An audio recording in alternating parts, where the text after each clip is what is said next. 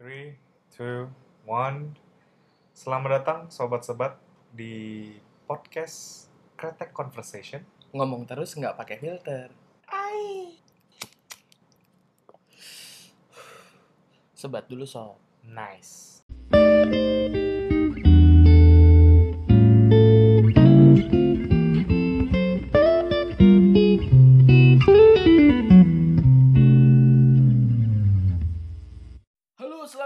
Sobat-sobat semuanya.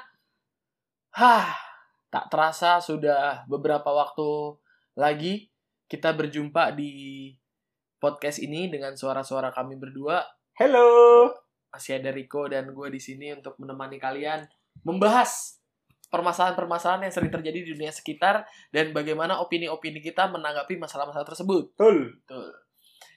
Serunya, nih serunya nih, Seru serunya, nih. seru nih yang di Edisi kemarin sih seru gue rasa. edisi kemarin. edisi kemarin ya lumayan berat sih jatuhnya ya. Kalau yang belum denger, coba dong dengerin dengerin edisi dulu kemarin. edisi kemarin tuh seru banget lumayan kita Please, pembahasan. kita pengen viral. Ya, anjing pengen viral. Tapi ini juga berangkat dari episode sebelumnya. Edisi. Jadi oh ya edisi sebelumnya, sorry, edisi sebelumnya. Eh, ketika di edisi yang lalu kita membahas tentang halal dan haram. Betul. Halal dan haram mana yang halal mana yang haram sebenarnya nggak mana yang halal mana yang haram sih. Kalau itu kan dalam konteks agama. dalam konteks agama. Kalau ini bahas sekarang, dalam konteks general, general umum, konsep mengenai ilegal dan legal. legal. Ih. Seru nih. Jadi kayak Ih. mungkin sobat-sobat semua tahu nih kayak beberapa waktu ini di sekitar kita kayak ada santer terdengar ada suatu hal yang akan dilegalkan gitu. Waduh. Tapi masih belum tahu apakah beneran legal apa enggak kayak gitu. Nah. Kalau itu sih enggak sih gue rasa. Oke, ntar, ntar, ntar, ntar. Udah dibahas ya, sabar. Jadi, hari ini kita akan membahas tentang legalizing the illegal. Yes sir. Bagaimana kita menanggapi tentang hal-hal yang sebenarnya dia itu legal nggak sih? Apa dia itu ilegal nggak sih? Apakah sebenarnya itu boleh nggak sih? Siapa sih yang nentuin legal dan ilegal? gitu? Yes, itu. Apakah penentuan itu dari government, dari pribadi, dari satu ko- komunitas tertentu, Ah. atau satu kelompok tertentu? Yang kita nggak tahu. Jadi, mari kita bahas sama-sama si ilegal dan legal tersebut. Apa pertanyaan lo pertama? Pertanyaan pertama sih Kan, kan sebenarnya lo kan lo yang yang kuliah nih, Ya, yang yang di. 3 Indonesia nih. Coba lo, Ler.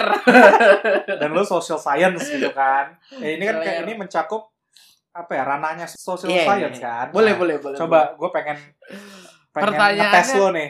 Perta- Ngetes lo. pertanyaannya kan dari gua. Iya Pertanyaan makanya ngetes lo lo lo ini enggak Ah, pertanyaan lo pertanyaan- berbobot enggak gitu. Enggak sih, kayak pertanyaan ini enggak enggak berbobot. Sebenarnya gue cuma pengen nanya buat sobat-sobat dan Rico, Eh. sebenarnya apa yang lu pahami dengan konsep ilegal dan legal? Itu dulu pembukaannya ringan dulu aja. Menurut gue ilegal dan legal itu harusnya ditiadakan. Oh nih kan dia mau bikin kontroversi mulu. Harusnya legal dan ilegal ditiadakan coba. Coba coba jelasin gimana Iya sih maksudnya. Nggak sih? Sebenarnya dibenahin sih bukan dihilangkan. Iya, iya, nggak. Maksudnya, eh, kalau ada sesuatu yang dilegalkan, secara psikologis, Hmm. eh, this is this is from personal experience. ya. Yes. Semakin gue dilarang untuk melakukan sesuatu, Mm-mm. Semakin Menggebu-gebu menggebu-gebu. Gue ingin melakukan hal, hal tersebut. Riko jangan makan babi ya.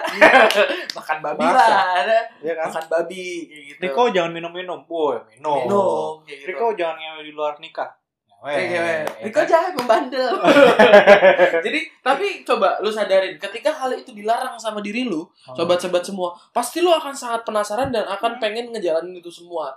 kayak I, I think people need to try at least once whatever it is Iya. misalnya dilarang oleh agama misalnya dilarang oleh government Bapak, ibu lu ngelarang Ah, kayak gitu. tapi kayak I, I think it's good for your psyche you know Yeah. to to try once and then kalau lu nggak suka ya it's good Udah. lu ya udah lu nggak suka kalau misalnya lu suka well maybe learn more about it you know say hidup itu adalah ujian. Kalau kata di edisi lalu hidup Ais. ujian. Sebagai seorang yang beragama hidup itu ujian. Ya. sebenarnya itu tadi eh, kayak ibaratnya ketika lu melakukan sesuatu yang dilarang kemudian lu jalanin nih. Udah tahu dilarang tapi lu paksain. Ya sebenarnya sebenarnya sama aja. Lu kalau dijalanin lu pasti ada konsekuensinya. Nggak dijalanin ada konsekuensinya juga gitu. Ibaratnya ya tinggal lu belajar untuk men- mensiasati si konsekuensi itu aja kayak gimana gitu. Dan back again, Hmm. Eh, kenapa menurut gue ilegal harusnya ya udah nggak usah nggak usah diadakan nggak usah diadain lah. Hmm. Karena menurut gue, as a government body, Hmm. it's easier for you for for for a governing body to control kalau itu legal. Ngerti gak? Hmm. Misalnya ilegal, dilarang segala macam. People are creative, man. Hmm. Manusia tuh kreatif gitu apa kan. aja dicari Apa aja kayak lu bisa lah. ini contohnya ganja ya Nih, yang kita bahas dari tadi muter-muter itu ganja Iya, contohnya ganja apalagi tersebut recreational drugs lah menurut gue. Uh, pe- people find a way, and it, it- it's harder for uh, ini kayak apa ya? Uh, ambil topiknya war on drugs, Hmm. The war like government versus drug drug lord. Hmm. Sebenarnya nih ya, kalau misalnya barang-barang tersebut legal, Hmm. satu uh, impor ekspornya Hmm. itu bisa lo kendaliin. Hmm. bisa dikendalikan oleh negara, which Hmm. is regulated. Hmm. Regulated, uh, one, kualitasnya bisa terjamin. betul Lo uh, as a government, Hmm. Lo bisa menjamin kualitasnya. Jadi nggak sembarang barang oplosan. Hmm. Which is one, uh, itu uh, it's safer for the user. Hmm. Uh, two, for the government, uh, it's easier to track. Hmm. Kalau mereka melegalkan semua ini dan bisa meregulasi. Uh, another benefit would be tax. pajak ya. Pajak. Lo sekarang karena semua barang-barang ini ilegal, jadi nggak ada pajaknya. Hmm. Kalau gue, kalau misalnya gue keluar gitu, nyari nyari, gue pengen beli heroin gitu misalnya, Hmm. gue nggak bayar pajak. Hmm. Sebetulnya by taxing all this drugs or lah, ganja, molly segala macam, Hmm. sebetulnya itu menguntungkan nggak sih untuk negara gitu kan? Ya itu masuk lagi, it's, it's Tapi devisa lah. negara lagi gitu. Iya devisa sih devisa, cuman nggak bisa kalau kalau misalkan harus kayak heroin juga segala Ya, macam. oke kan eh, again re- the regulation Hmm. itu it's it's up for the whoever's Ya. uh, controlling. right? Ibaratnya Tapi menurut gue it'll be easier for them to track to to, to combat at least at least nggak legal hmm, tapi uh, decriminalize ya lebih Jadi- lebih di lebih di lebih nggak uh, lebih ke apa ya uh, kalau lo make lo nggak masuk penjara gitu. hmm. Ya tapi kalau kalau contohnya ini yang kita angkat adalah si recreational drugs ini kayak eh, ibaratnya kayak si ganja, itu tadi. Kayak kemarin kan kemarin tuh beberapa waktu ini kan lagi hype banget tuh perkara si ganja ini. Kayak lagi dibicarain kanan kiri kan dia mau legal apa segala macam kayak banyak ternyata yang sebenarnya dilihat kalau masalahnya dari pemerintah kita mengangkat si ganja itu tadi itu adalah bagaimana si ganja ini ditempatkan dalam narkotika kategori satu Hmm. yang harus yang which is harusnya dia tidak ditempatkan di situ untuk beberapa pihak. Karena beberapa pihak sudah bisa membuktikan bahwa ganja itu baik untuk kesehatan bla bla bla bla, cuman itu dari eh, fatwa dari orang-orang yang paham tapi bukan di Indonesia ya. Eh, kalau di Indonesia mereka masih belum punya wadah untuk penelitian tersebut. Ya mungkin dengan gampang seperti gampangnya adalah ya dibuka aja dulu untuk penelitiannya kayak gitu. Supaya yang tadinya yang tadinya ini sebenarnya bener nggak sih dia di ilegal tapi sebenarnya dia claim claimnya bener ya sih? klaimnya bener nggak sih sebenarnya dia ini harus dilegalkan padahal sebenarnya nggak kayak gitu kan kita Iya. nggak tahu sekarang selain itu deh ntar kita bahas itu lagi di tengah-tengah Eh, menurut lu pengen gue bahas lagi gitu. iya sabar tapi kan nggak legal dan ilegal itu tidak hanya perkara masalah si eh, daun hijau tersebut Iya, gitu iya, iya. ada banyak hal sebenarnya di negeri kita ini kadang gray area kayak Hmm. ibaratnya legal apa ilegal? Sebenarnya ini tuh dia dilegalin itu bener nggak sih kayak gitu? Misalkan menurut lo gue pengen eh, apa gue ada ada ada pertanyaan. Ketika eh, prostitusi Hmm. tempat prostitusi banyak banget di Jakarta tempat prostitusi oke itu ilegal gitu. Hmm. tapi orang banyak yang akses ke situ. Itu bisa dikatakan ilegal nggak? Maksudnya gimana? nih? Tempat Jadi prostitusi itu diilegalkan, Nih, prostitusi Tapi itu, banyak- ya. banyak demand-nya gitu. Ya, itu bisa dikategorikan ilegal nggak? Again, seperti yang gue jelaskan, karena ini gue tadi gue menjelaskan tentang recreational drugs. Sekarang gue menjelaskan uh, my way of thinking about Ilegal. apa menghilangkan ile- ilegal Mm. itu kalau misalnya uh, dimasukin ke prostitution Mm. satu regulation Mm. regulation is the best thing in the world man Mm. Uh, lo bisa uh, background check. Kayak if if I'm if I'm a, a governing body gue gue bisa meminimalisir uh, penyakit kelamin. Mm. kenapa? Satu ada regulasinya coy. Mm. nggak main-main. Legal nih. Prostitusi pro- prostitusi under my misalnya gue jadi government gitu ya. Eh, Riko Presiden. Rico as a president gitu ya. 2000 2000 bro 2079. if if our president terus gue uh, uh, berencana untuk melegalkan gitu prostitusi ya one there's a medical check jadi sem- semua pelaku prostitusi itu ada proses medical checknya Mm. jadi lu nggak sembarangan lo bisa clock in clock out padahal memek lo herpes gitu kalau HIV ya kan Iya iya iya. itu itu just cuts all the uh, sexually transmitted disease. Dua, background checks.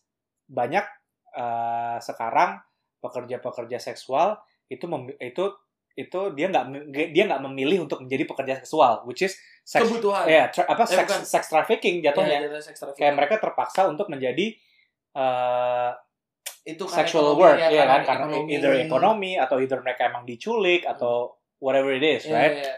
Uh, itu bisa gua itu bisa kita combat kita bisa bener-bener in one fell swoop menghilangkan namanya sex trafficking karena it's legal semua pekerja seks itu uh, say ntar ada bakal ada ID-nya atau ada ada kartu kerjanya segala macam when you clock in and clock out Mm. itu gue bisa tahu oh lu background lu dari mana oh lu uh, misalnya gue nemuin oh ternyata nih underage Mm. wah lu di bawah umur lo lu harusnya nggak boleh nih begini Oh. germo lu mana germonya yang gue tangkap ya pekerjanya sih nggak gue tangkap germonya gue tangkap karena Iya, iya. Eh, karena nggak kan karena sekarang nggak ada nggak ada quote unquote hukum yang memayungi sexual workers dan eh, even kayak sekarang uh, people are like wah lu sexual worker lo lo adalah manusia paling rendah lah lo kalau misalnya jadi pekerja seks menurut gue enggak men menurut gue pekerja seks tuh mulia men dibayar. Woi. dibayar. they're doing what they can uh, to to provide for them and for their fa- for for their family even Mm. kayak kebanyakan pekerja Ya. seks ya karena ekonomi kayak oh ya nih gue gue uh, jadi pekerja seksual karena gue mau nyokolahin adik gue banyak kan yang reasoningnya banyak, seperti itu Ada ada beberapa, ada beberapa yang gue kenal. Eh, yang lo kenal eh, gua berarti kenal. pernah agak jadi jadi ya udah gak usah munafik lah sobat-sobat anjing lo semua jadi jadi gua itu ada salah satu jadi kalau di da- apalagi di, di, da- di daerah itu kan kita kecil ya Jo ya lingkungannya kecil. Jadi kayak ada satu warung yang biasa gue tongkrongin itu. Nah beberapa dari mereka tuh salah satunya on quote mereka adalah uh, sexual worker. Yes sir. Tapi berangkat dari kayak pemandu lagu atau apa kayak Hmm. gitu-gitu. LC LC Iya LC, tapi LC. sebenarnya dia uh, social worker gitu. Nah, gue sering ngobrol juga sama mereka tentang kayak gitu-gitu. Dan banyak dari mereka memang ternyata melakukan hal tersebut karena satu, mereka sadar pendidikan mereka nggak tinggi. Hmm. Yang kedua, mereka butuh untuk menghidupi keluarganya Hmm. di rumah karena keluarganya nggak ada yang bisa, ibaratnya kasarnya nggak bisa nyari duit.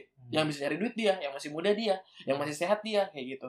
Yang paling cepat dia pikir adalah kayak begitu aja. Iya. Gue cuma nemenin eh, nyanyi bla bla bla bla bla dipegang dikit habis itu udah selesai gitu. Terus habis itu dia dapat bayaran bisa sampai berapa juta, berapa juta, berapa juta gitu dan itu tuh buat dia tuh jadi bukan semata-mata dia sexual worker tuh karena dia dia memang suka seks segala macam enggak karena Hmm. emang kebanyakan dari mereka kita lihat memang kebutuhan gitu kebutuhan ekonomi ya kebutuhan ekonomi gitu dan di ekonomi yang seperti ini easy money bro iya dari gini nih uh, mereka nggak punya education karena Hmm. edu- eh, education system kita nih shit yes not just us but most of other countries Mm. educationnya still shit right Hmm. uh, uh, say gue ngambil uh, sampel Indonesia education sistemnya uh, gue misalnya gue uh, misalnya gue cuma lulusan SMA gitu Hmm.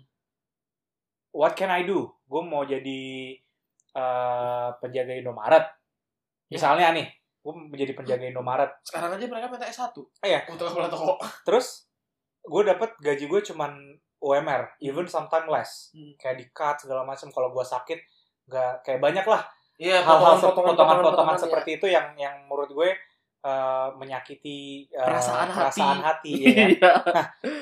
Kalau misalnya gue bisa jadi sexual worker, not? sekali nemenin 7 juta gitu, nemenin bapak-bapak DPR. Hmm. Dan itu works loh di Jepang. Dan itu works loh kalau teman-teman eh, sobat-sobat semua pernah ya mungkin sering teman sobat-sobat lihat YouTube atau segala macam. Coba tentang cari sexual worker di Jepang dan mereka semua ada regulasinya loh. Regulasinya nggak main-main. Ada yang regulasinya bener-bener kayak lu cuma nemenin lu nggak boleh dipegang. Lu cuman kayak lu boleh dipegang tapi lu nggak boleh dibawa tidur. Eh, Lu boleh diinepin tapi lu nggak boleh di apa-apain kayak gitu-gitu loh. Jadi ada kayak temen-temen apa ya namanya sexual worker yang cuman kayak nemenin cuma lu tidur. iya. Iya, Cuma bener-bener. cuddling gitu doang. Iya. Cuddling pun nih berarti lu gak boleh nyium cuman cuddling cuma meluk doang gitu. Iya. Nanggung-nanggung gitu lah. kayak gitu Ya, tapi kalau ya? misalnya lagi soal lu bisa omongan lu Iya, karismatik, gitu. bisa Bisa. lah. Cuman kayak tapi mereka strict sama regulation Yes. tersebut gitu. yes yes yes yes yes, yes. Itu adalah konsep yang mungkin sebenarnya bahwa banyak hal ternyata yang enggak konsep yang men- menurut gue masih asing even in the open even even in the western world Iya, masih iya. asing gitu kayak Karena regulasi itu juga nggak berjalan, yang berjalan di Jepang doang setahu gue. maksud gue kayak why not kita uh, kita bisa combat a bunch of problem Mm, with a simple regulation mm. itu dia makanya gue percaya bahwa uh, mengilegalkan sesuatu tuh uh, it's bad for the economy, it's Hmm. bad for the country. Tapi apa sebenarnya? Tapi ya sebenarnya apa faktornya ketika kita lihat bahwa sebenarnya melegalkan apa namanya kayak lu ngelegalin sesuatu atau lu mele- ilegalkan sesuatu itu sebenarnya apa alasannya kalau lu, lihat gitu? Ibaratnya government melegalkan mengilegalkan ganja misalkan atau government melegalkan prostitusi. Ah. Prostitusi tersebut kan itu kan secara tidak langsung secara kasat mata di, dilegalkan ya walaupun ibaratnya tuh banyak juga PNS-PNS yang sering ket- ketahuan di situ Iya. kayak gitu. Nah, apa gitu kenapa itu kayak ibaratnya ilegal diilegalin gitu nggak tahu sih. kalau menurut lu Uh, I don't know. Mung- mungkin kalau ganja, maybe there's agendas behind, ya kan? tapi kalau kata gua kalau kata gua gue setuju kayak misalnya ada agenda tadi kayak Rico Iya. bilang ada agenda di balik ganja ini Uh, kenapa ganja sampai sekarang di Indonesia nggak mau dibuka maksudnya nggak mau dibuka bukan dilegalin ya nggak mau Dilegalin. dibuka untuk ya penelitian dulu lah atau Ah. apa dulu karena ada agenda di balik semua itu ketika penelitian itu dibuka maka akan change-nya ganja terbuka di Indonesia mungkin akan lebih gede gitu dan masalahnya negara kita adalah pemasok tembakau paling besar Kalau menurut gue nggak juga nggak juga cuma tembakau sih. iya Even cuman kayak apa ya? eh, pohon gitu kan. iya Kan banyak tuh yang pohon buat bikin kertas segala macam. Hmm. Kalau misalnya kita bisa mempelajari eh, hemp Heeh. eh, si tumbuhan ganja as keseluruhan, Hmm. banyak hemp bisa dijadiin kertas, hemp bisa dijadiin tali segala macam. There's there's a lot of benefit lah Hmm. yang bisa lo dapetin dari situ dan mungkin ya berto- bertolak belakang sama kepentingan-kepentingan Iya, yang udah established. Iya gitu. makanya ke- kepentingan yang established itu salah satunya adalah tembakau. Kayak Yes. misalnya kayak seperti halnya kreatif conversation, kita ngobrol sambil ngerokok. Lu bayangin aja sobat-sobat semua kalau ternyata ganja legal. Mungkin ini bukan kreatif conversation. Apa nih? Ganja Yo, conversation lebih Karena- dalam. lebih dalam karena Percakapan kita lebih Iya, dalam. karena menurut gua itu dia alasannya kenapa mungkin dari eh, salah satu alasannya bukan Hmm. itu alasannya salah satu alasannya kenapa ganja tidak dilegalkan di Indonesia karena sudah banyak tembakau yang berkeliaran di Indonesia Hmm. sehingga ketika misalkan nanti ganja itu dilegalkan tembakau merosot pemasukannya jadi kayak kalah gitu sama ganja toh kalau misalnya mau dianalisis kayak beberapa orang yang sempat kemarin tenar itu dia nganalisis bahwa eh, beberapa tum- tumbuhan atau senyawa kimia atau apa pun lah itu yang eh, menyebabkan ketergantungan itu nomor dua nikotin. Which is nikotin itu ada dalam tembakau. Tembakau. Jadi kayak On ibaratnya that on that logic harusnya tembakau ya, ilegal. harusnya tembakau yang ilegal, malah ganja yang dilegalin gitu. Cuman kan posisinya ketika si ganja dilegalkan dan tembakau ilegal, maka berapa ratus rakyat Indonesia yang harus nganggur. Jadi betul, betul, betul. itu betul. itu tuh logikanya jadi kayak Betapa gitu. petani yang harus Iya, petani tembakau itu kayak ibaratnya ya petani tembakau daerah Jawa, daerah Kudus, Batam Batam segala macam tuh mereka emang penghasilannya dari situ. Jadi Hmm. kayak mungkin salah satu faktor kenapa kenapa tidak dilegalkan atau masih ditutupnya karena itu. Cuman mungkin kalau ada orang yang pinter mungkin bisa lah dibikin seimbang gitu. Jadi pemasukannya nggak semua karena memang pemasukan paling besar Indonesia cukai deh rokok sih gua. Rokok, iyalah. Rokok paling gede di Indonesia pemasukannya. Which is, which is I don't get. Sekarang rokok mau diregulasikan biar mahal, biar orang stop rokok. Beli coy, Eh, tetap dibeli. Bakal tetap beli. Which Coba is, sobat kalau menurut gue, on that note, Heeh. harusnya lu udah tahu bahwa orang bakal tetap merokok karena ya mereka udah addicted. Iya, Mereka udah kayak ya, rokok udah kayak narkoba buat mereka. Kalau misalnya mereka nggak ngerokok, sakal. yoi. Ya nggak? Dan itu terjadi di temen gue. Ada ada salah satu temen gue yang memang pengen berhenti dari ngerokok. Dia itu berhenti kayak satu dia satu, satu hari tuh ngerokok bisa 2 sampai tiga bungkus sehari. Is itu gila, gila, banget. Gila lu. Dan- Kereta bos. Kereta banget. Dan dia bener-bener ketika rokok terakhirnya dia di hari itu dia bilang gue besok pagi mau berhenti ngerokok. Dan bener-bener langsung tep gitu langsung berhenti, Ah. langsung berhenti. Dan itu dia ngerasain hidupnya dia udah kayak kebolak-balik coy. Kata dia kayak kayak yang biasanya jadi eh, secara medis itu katanya Nah, untuk memantik endorfin atau hal-hal positif dalam diri kita Hmm. karena kita punya kebiasaan ngerokok itulah yang digunakan untuk memantik si endorfin tersebut Hmm. sedangkan tanpa rokok ketika tidak ada rokok maka kita kehilangan itu jadi Hmm. kayak lu misalkan suka suka pusing nih lagi kerja misalkan buat sobat-sobat yang lagi ngerokok misalnya desainer kita lagi ngedesain segala macem. Mumat banget kan kagak ini. Terus abis itu lu ngerokok dulu tas. Abis itu lu biar bisa sambil jalan editnya sambil ngerokok gitu. Nah itu tuh sebenarnya daya pikir lu tuh dipancing dengan nikotin tersebut. Hmm. makanya lu bisa bisa fokus lagi. Kayak gue misalkan aduh anjing capek nih kerja mulu kayak gitu. Sebat dulu lah sebat dulu. Nah itu supaya ketika habis ngerokok relax habis itu nanti bisa fokus, lagi, Fokus kayak gitu. Sebenarnya ada dan tak sebenarnya itulah yang membuat kenapa rokok ketagihan. Karena hal-hal yang harusnya bisa lu keluarkan sendiri tanpa Tanpa ada nikotin nikotin. lu biasain dengan nikotin. Jadi kayak Hmm. lu mau ketawa lu panti. Kayak misalnya kita lagi minum di klub segala macam Hmm. terus kayak buat ketawa-tawa buat ngobrol kita ngerokok dulu kan. Nah biasanya kan randomly di dalam bar itu kita ketemu orang baru segala macam supaya kita bisa ngomong supaya kita bisa mikir kayak kita ngerokok dulu jadi kayak nanti kepantik endorfinnya atau apalah bla bla bla kayak gitu yang bisa buat lu ngomong gitu. Kalau gue sih kayak kalau gue ngerok ngerokok, I'm not addicted to it no Hmm. more. Kayak gue dari ngerokok dari SMA. Hmm. Eh, dulu emang gue rokok rokok rokok kayak wah udah yang harus asem asem asem gitu kan yang kayak gitu. Hmm. But I stop and then now I'm a social smoker. Kalau misalnya lagi nongkrong, lagi nongkrong, smoke, gue bisa smoke dan kalau misalnya buat di bar sih, kalau misalnya buat di bar, gue ngerokok itu lebih ke Pringles ngerokok tuh lebih ke biar nggak ngabisin duit. karena kalau minum ngabisin duit wa kalau minum ngabisin duit bukan Habis lagi John. iya lu. Satu shot berapa sekarang? Hmm. Lima ribu. Kemudian gue beli rokok. iya Ya kan? Beli rokok. Jadi gue minumnya sekali. Rokoknya, rokoknya banyak. rokoknya Iya banyak besoknya keracunan nikotin Iya. Cuman right now gue udah bisa sih apa? eh, control the addiction. hmm. Nah, balik lagi ke kalau misalnya balik lagi ke ilegal me- mengilegalkan dan melegalkan sesuatu Eh, kalau misalnya konotasinya misalnya pemerintah nih yang menentukan eh, Hmm. apa itu yang ilegal apa itu yang legal Hmm. right which is I think currently is right Iya. kayak pemerintah kan yang menentukan Betul. sesuatu ilegal atau enggak kalau misalnya reasoning behind uh, reasoning mereka untuk mengilegalkan sesuatu itu adalah berbahaya untuk kita Hmm. harusnya semua barang ilegal men harusnya Coca-Cola is illegal ya That's bad for you, man. Harusnya Sugar. harusnya McD. McD harusnya ilegal. Iya. Rokok, Pringles. Ya harusnya ilegal nih, boy. Cit, enak banget Bang. nggak bisa kalau dia nggak Nah. Makanya, uh, I think, again, back to my way of thinking, Hmm. kalau sebetulnya, il- like, something illegal is stupid. apa apa Iya, kalau lu, something illegal is stupid. Oh For, ya for like a government to declare something is illegal, that's stupid, man. Plus, kita ada di negara demokrasi. Why Hmm. not? Oke, ya udah nih. Nih, I go up in the air, everybody vote. Ngerti nggak? ah ya ya ya, ya. Ketimbang kayak gua ultimatum. Kalau misalnya jatuhnya ultimatum ABC itu halal, jatuhnya mereka diktator kan?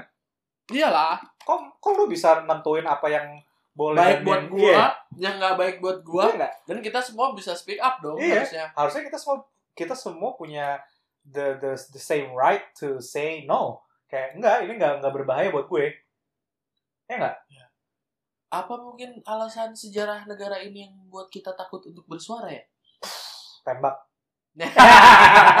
itu tadi itu mungkin bisa jadi alasan kenapa kayak ibaratnya wacana wacana si legalisasi ham tadi Iya. itu kan udah lama.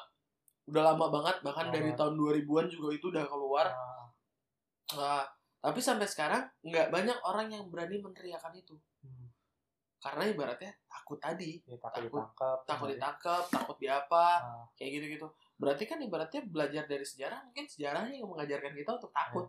Oh again kenapa eh, kenapa gue percaya eh, harusnya recreational drugs itu legal Hah? itu bisa meminimalisir polisi-polisi bangsat. Hmm. zaman sekarang polisi adalah cepunya men. Kadang-kadang kita sebetulnya kita nggak megang tapi ditaruh gitu di mobil kita sama polisi.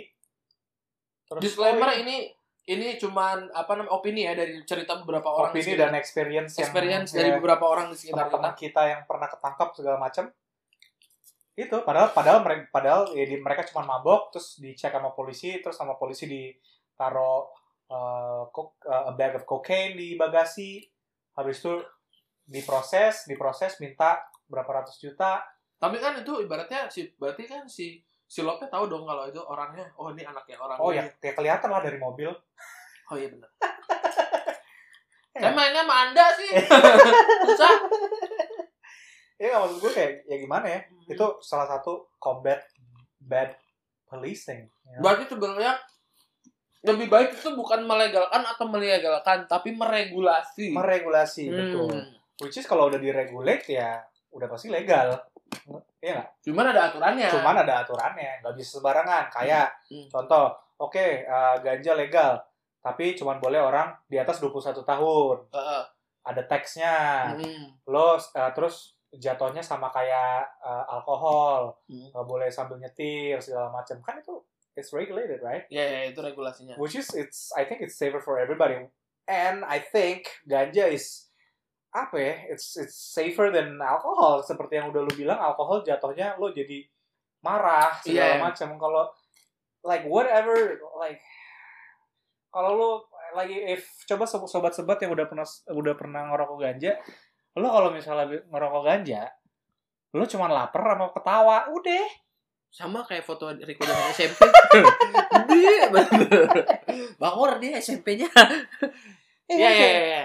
Tapi gue gue tahu kayak ibaratnya Hmm.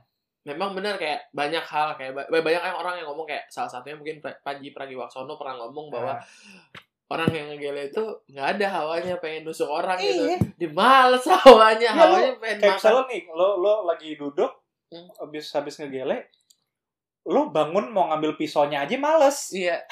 Tar dulu lah bos, tar dulu. tar dulu mulu. paling lo udah nonton Netflix aja Iya. style nih kan. Nonton Netflix juga apa National Geographic Iya.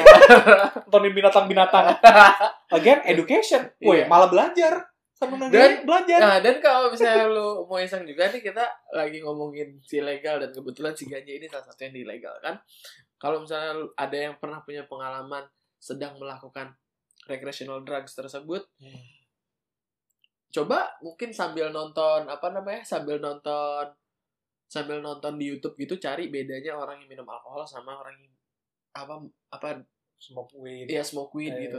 Kelihatan kok kayak ada banyak fatwa menyatakan bahwa fatwa fatwa lagi nggak sorry sorry bukan fatwa ada banyak hal yang menegaskan bahwa sebenarnya weed itu tidak terlalu mengganggu di kehidupan kita sehari-hari gitu. Maksudnya tidak merugikan gitu. Iya. Sebenarnya ya yang paling bener sih dibuka aja. Penelitiannya dibuka dulu deh biar orang-orang yang ekspertisnya nih Iya. seperti para dokter-dokter yang ekspertis bisa melakukan penelitian bahwa ini oh ini bisa Iya, ini at bisa least get people talking. Ya. Semakin banyak yang membicarakan berarti kan semakin semakin dire the situation ya which I know the country is going through some rough patches with Yeah. all the politics, all the uh, coronavirus, Hmm. whatever. Tapi kayak I think uh, ini udah 2020 men. Hmm. kita sekarang sama Amerika udah dibilang negara maju, tapi kok kita gini-gini aja gitu. Padahal di Amerika juga di beberapa hampir semua negara bagian udah legal ya. Udah hampir beberapa udah legal.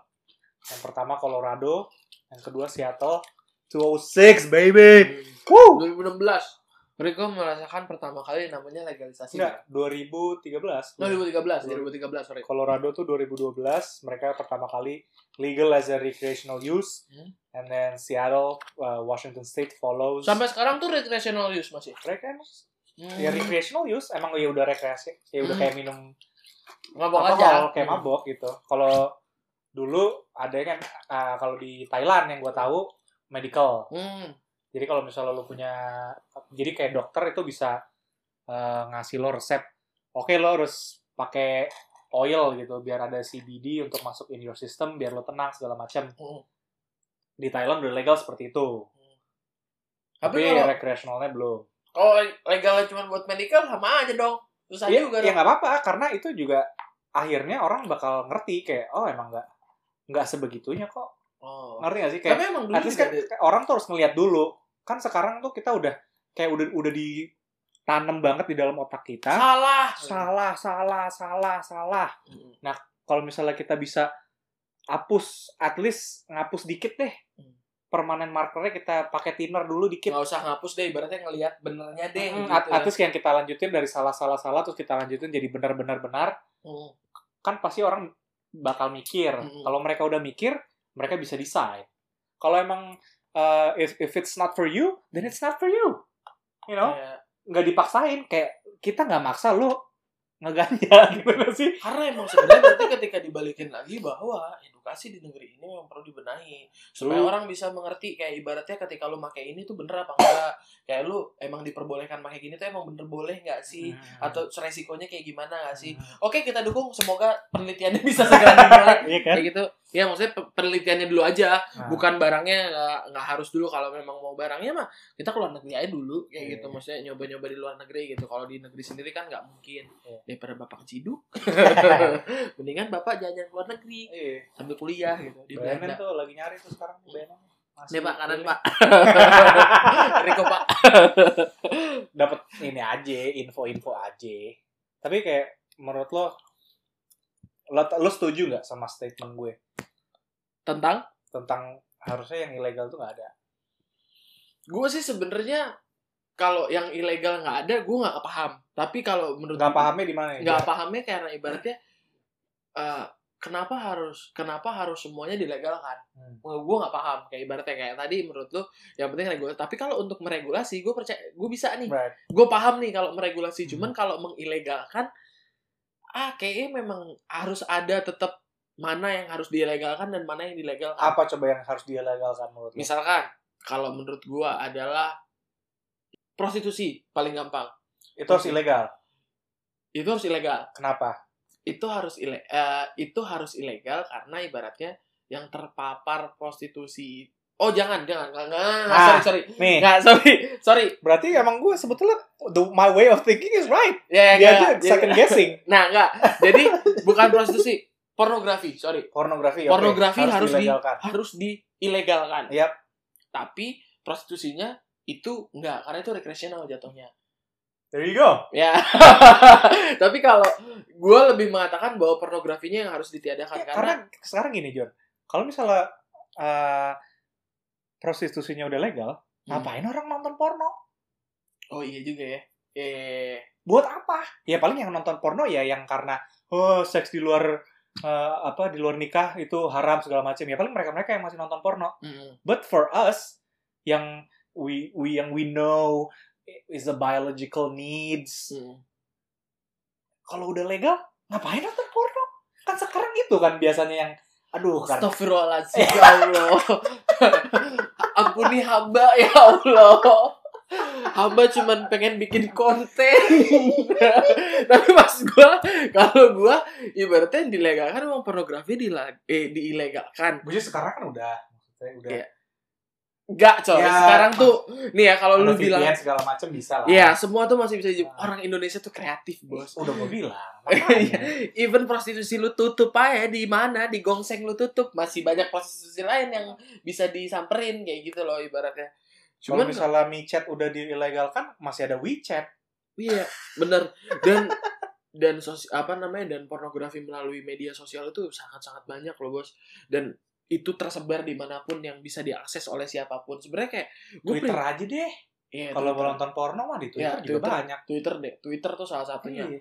dan itu menurut gua gimana ya ibaratnya kenapa pornografi itu perlu diberangus maksudnya pornografinya perlu diberangus karena memang regulasinya kan kalau di US dan segala macam kan itu memang juga untuk sebagian orang kan Hmm. untuk sebuah sebagai kalangan Under tertentu 18. ya Nggak under boleh 18 nonton nggak porno. boleh gitu kayak ibaratnya sedangkan kalau di kita kayak anak kecil aja bisa ngakses kayak lu Hmm. suka suka download di Aureceh di mana itu kan ada tuh yang abang-abang warnet ngeliatin meja sono anak kecil lagi pada ngumpul ternyata lagi nonton bokep kayak gitu ya yang masalahnya itu adalah bokep eh, maksudnya si pornografinya sih yang harus diberangus jangan juga ketika pornografi diberangus film-film yang nampilin tete dikit diberangus juga nah itu tuh kadang-kadang kayak suka salah suka salah kaprah juga jadinya mungkin apa ini adalah gray area Sebetulnya nggak grey, itu tadi yang udah gue bilang. Semua harusnya legal, but regulated. Kayak apa ya? Kayak kayak lo deh sebagai sebagai orang dewasa, lo bebas. Tapi lo bertanggung jawab. Same with kita melegalkan semuanya, Hmm. tapi regulated. Again, kayak misalnya, eh, karena kan kalau misalnya udah lo udah nyuntik nih Hmm. heroin, Ya. sometimes Di Indonesia mah nggak heroin putau. ya whatever it is, Basiannya heroin. whatever it is that you shoot up, itu most likely lo udah eh, lo susah banget untuk ngilangin addictionnya, Hmm. karena itu langsung ke darah gitu kan istilahnya, Eh, le- lebih susah karena itu jadinya lebih ya pokoknya lebih susah lah for you Hmm. to uh, combat your addiction kalau Hmm. lo udah nyuntik. Hmm. ya oke Uh, if it's legal Hmm. regulated itu ada doctor supervision Oh yang ngecek lu kayak Ya, gitu ya. jadi kayak yang yang lo lo it- it's legal kalau menurut gue nih ya Hmm. ini legal tapi yang nyuntikin lo harus dok dokter jadi ada ada klinik-klinik di luar sana yang lo bisa oke nih gue beli heroin terus ada dokternya yang buat nyuntikin jadi satu uh, kemungkinan lo untuk overdose Hmm. itu berkurang dua kemungkinan lo bagi-bagi suntik Hmm. dan menyebarkan HIV kurang bener gak? Dan berarti kan di situ berarti ibaratnya dan dengan catatan kalau kata gue dengan catatan si dokter yang profesional yang ngehandle lu itu juga akan membantu lu untuk mengurangi dosisnya Ya. dan menghilangkan lu supaya tidak pakai itu Hmm. lagi. betul Ya, gue setuju. Kecuali kalau misalnya dok. Tapi masalahnya kalau di Indonesia takutnya kalau di negeri ini ketika ada dokter yang begitu melegalkan kayak gitu, dok suntik dong, ya boleh. suntik, Ya, Maksudnya again, kayak regulasi, regulasi, Iya, regulasi, regulasinya harus ketat segala macam kayak karena kan ini hal yang nggak semua orang bisa telan Mm-mm. ngerti nggak? kita ngomong kayak gini pasti banyak banyak orang yang setuju dan banyak juga orang yang wah ini orang nih kafir gitu kan. Ya, benar. This- Kita this- pasti banyak orang yang nggak setuju juga Iya. sama omongan ini. this is a, a, a tough pill to swallow. I- i- apalagi kita negara yang mayoritas muslim. Even di US aja belum seperti itu. Mm-mm. gitu kan? Belum melegalkan semuanya. Masih ada beberapa yang drugnya stadium 1 mereka juga masih eh, perang dengan Pablo Escobar segala macam. Udah nggak ada. Yang Iya, lain, yang lain yang lah. lain gitu. Tapi menurut gue eh, negara maju seperti US yang devisanya udah banyak banget itu how they combat uh, drug like the drug wars Hmm. between the government and the drug lords itu udah ngabisin triliunan dolar men Mm. Cuma kan kalau ngelihat kalau ngelihat ke Indonesia gitu kita Hmm.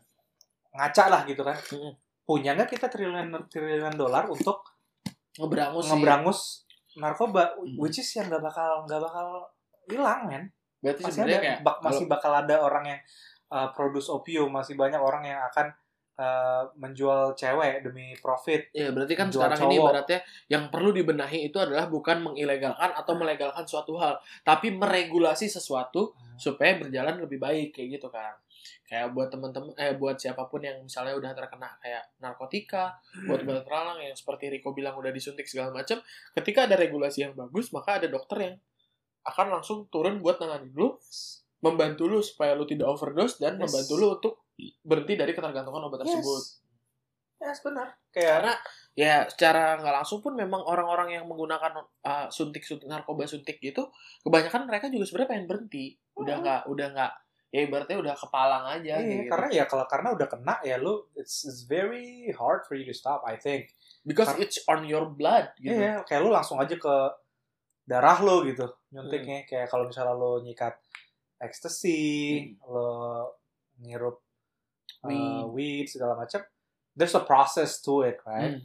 Kayak kalau misalnya lo gele, lo masih diproses dulu sama paru-paru lo, baru mulai Main ke kesebar, otak, iya, ya. baru kesebar ke seluruh tubuh, ke otak segala macam. Kalau misalnya lo ekstasi ya dicerna dulu di dalam lambung, Hmm. baru Baru masuk, bereaksi, iya. Tapi kalau misalnya nyuntik, dem, dem langsung. Ser. nyampe nggak nyampe detik gitu. Karena Udah darah langsung- kan berputar cepet banget iya, kan. per, per millisecond gitu kan. Dan katanya sih, katanya katanya orang-orang yang pernah punya cerita terhadap si apa namanya si nyuntik ini, berapa bilang katanya kalau nyuntik tuh emang yang paling narkotika yang paling enak.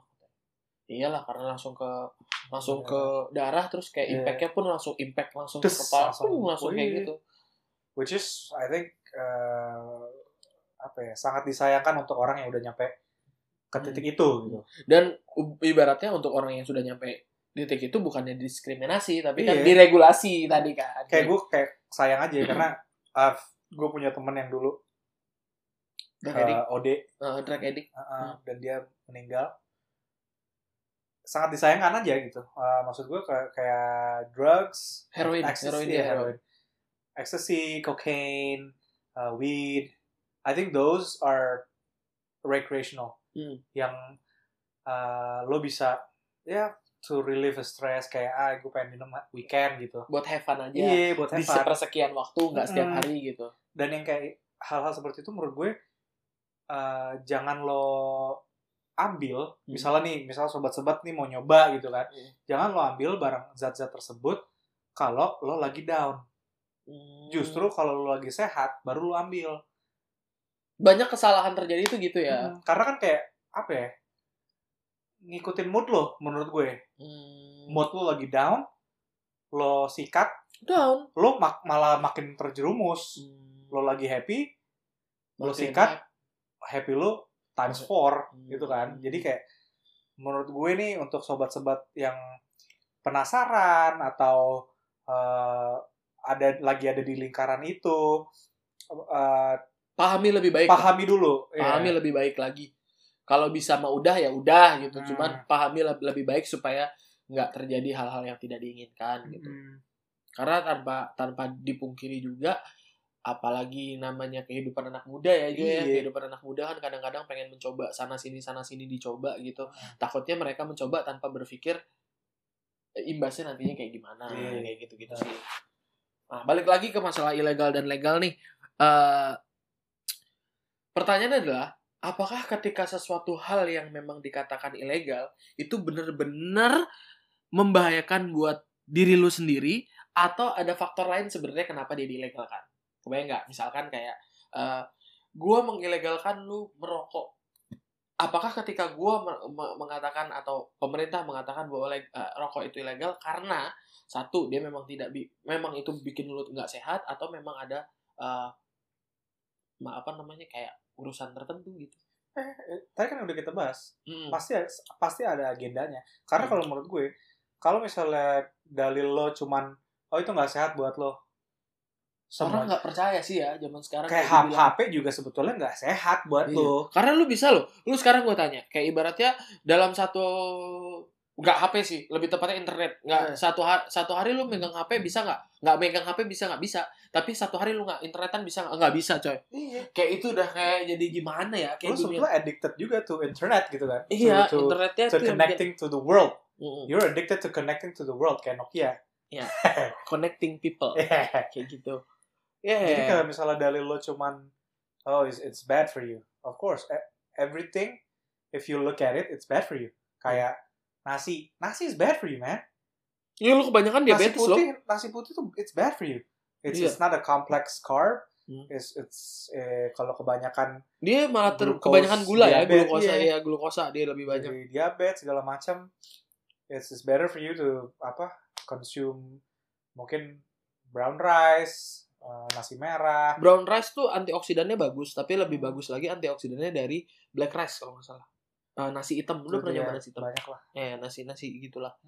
Ya mungkin Ya kan, maksud gue kalau misalnya dalil lo cuman itu as a democratic Hmm. country Hmm. itu nggak ini sih Ya, nggak berarti- kuat menurut berarti sebenarnya bahwa ketika kita mengilegalkan sesuatu, ketika kita melegalkan sesuatu, berarti di balik semua itu kita juga harus berpikir bahwa ada satu tendensi di mana yang itu dilakukan untuk memenuhi kebutuhan Kebutuhan tertentu, kayak tertentu. gitu. Iya, kayak Oh ini kayak misalnya sekarang nih eh, harusnya eh, dem- democratic harusnya ya udah just lempar ini ke rakyat suruh ini, vote Ya, ini mau gue legalin, boleh nggak? Iya, gitu. Kayak- kayak maksudnya kan kita demokrat democratic you know? Iya. use your right to to choose use use your freedom speech ya kan kalau Hmm. misalnya lu emang Kalau kita masih dibatasin ya kita berarti belum demokrasi. Belum. Iya. Ya, Ya. kayak gitu. Ya, gue setuju. Jadi, Iya. ya sebenarnya yang jadi permasalahan kalau menurut gue dan Riko adalah bahwa sebenarnya bukan melegalkan atau mengilegalkan suatu hal tapi meregulasi sesuatu hal. meregulasi Jadi bahwa sebenarnya yang lebih penting bukan ilegal atau legalnya, tapi adalah regulasinya. Ketika hal tersebut memang buruk buat kita, coba dibikin regulasinya supaya hal buruk tersebut tidak selalu menjadi buruk impact-nya gitu. Seperti halnya pernah dikatakan oleh beberapa dokter bahwa sebenarnya narkotika yang ada di dunia itu semuanya itu adalah bahan obat. Hmm. bahan obat cuman penyalahgunaannya yang selalu jadi masalah. Maka dari itu mungkin regulasi untuk penyalah penyalahgunaan narkotika atau penyalahgunaan obat itu yang harus dibenahi nah gitu. itu diregulasikan kan segala macam dan uh, side note juga nih maksud gue kayak di Colorado. Hmm. dari hasil mereka meregulasi uh, penjualan narkotika. Enggak, Weed, penjualan weednya mereka mereka udah bisa bikin public schools weed. keuntungan uh, pajak dari ngejual-jualin weed Hmm. itu udah saking besarnya mereka udah bisa bikinin sekolah gratis itu kan ya maksud gue itu menambahkan uh, pendapatan negara segala macam Hmm. pendapatan negara bagian kalau Iya. misalnya di US Yes.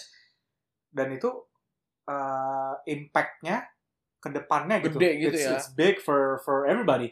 Kayak sekarang kalau misalnya uh, ini stable gitu misalnya Hmm. oke segini terus nih pendapatan berarti kayak mereka bisa forecast oke berarti i- in in 5 to 10 years uh, mungkin we got this we got Iya, this we got this saking we udah got- banyaknya keuntungannya gue si Colorado bisa uh, sekolah public school semua gratis Ya, kayak gitu-gitu kan Iya. maksud gue lo uh, mikirnya sejauh itu gitu mereka Dan- kenapa mereka melegalkan nggak semata-mata mereka aduh spawner semua yang di Colorado kagak Iya. men Colorado kalau lo boleh tahu itu sebetulnya red Hmm. Republican state-nya Hmm. setahu gue Iya. seingat gue mereka Iya, itu iya, setahu red gua. Dia di tengah kan. Di Hmm. tengah tuh daerah daerah kawasan Republikan kan. Iya, makanya kayak kalau misalnya tapi mereka mikir, oh kalau misalnya ini bisa gue kembangin, uh, taxnya segini segala macam, in five years keuntungannya it cuts everything, ngerti nggak? Kayak karena kalau lu menja- mem- mempenjarakan seseorang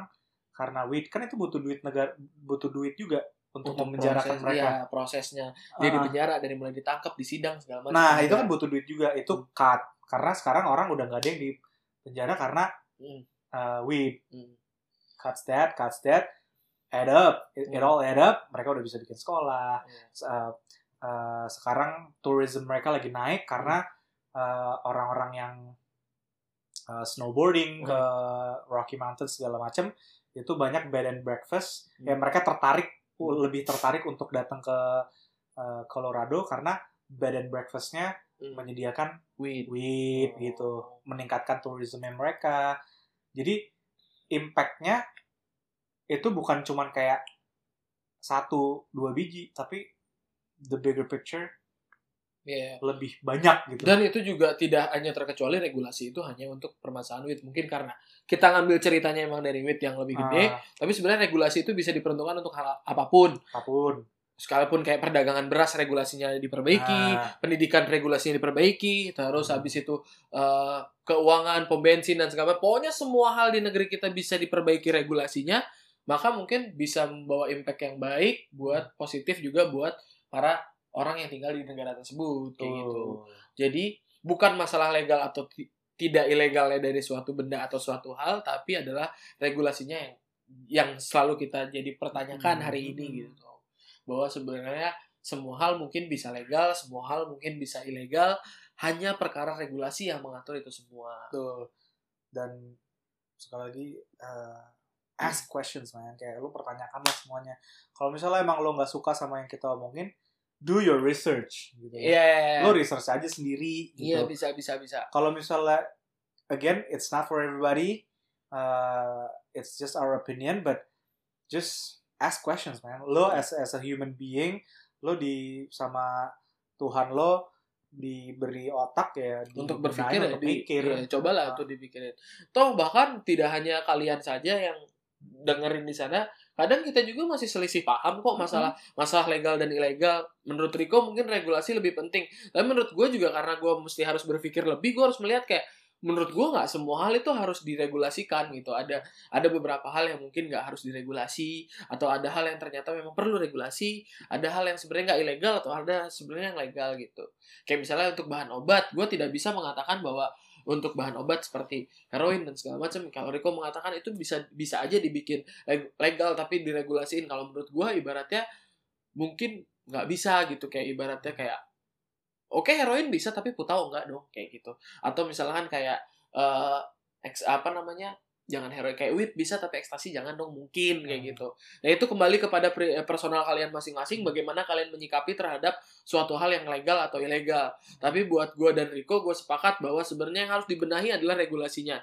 Tapi bukan judging terhadap barang tersebut itu nggak boleh atau itu boleh. Hmm, Kayak Kayak kalau gitu. misalnya kalian nanyain contoh gitu kan, Hmm. kayak lo lo ngedengerin kita, ah ini lo semua nggak ada basisnya segala Hmm. macam, lo cuman asal ngomong. Emang Hmm. kita cuman asal ngomong, Hmm. but do your research kayak say Portugal, Portugal udah decriminalize. Hmm, Kalau lo ketahuan lo nge-weed, hmm, narkoba segala macam, lo nggak di penjara hmm. gitu.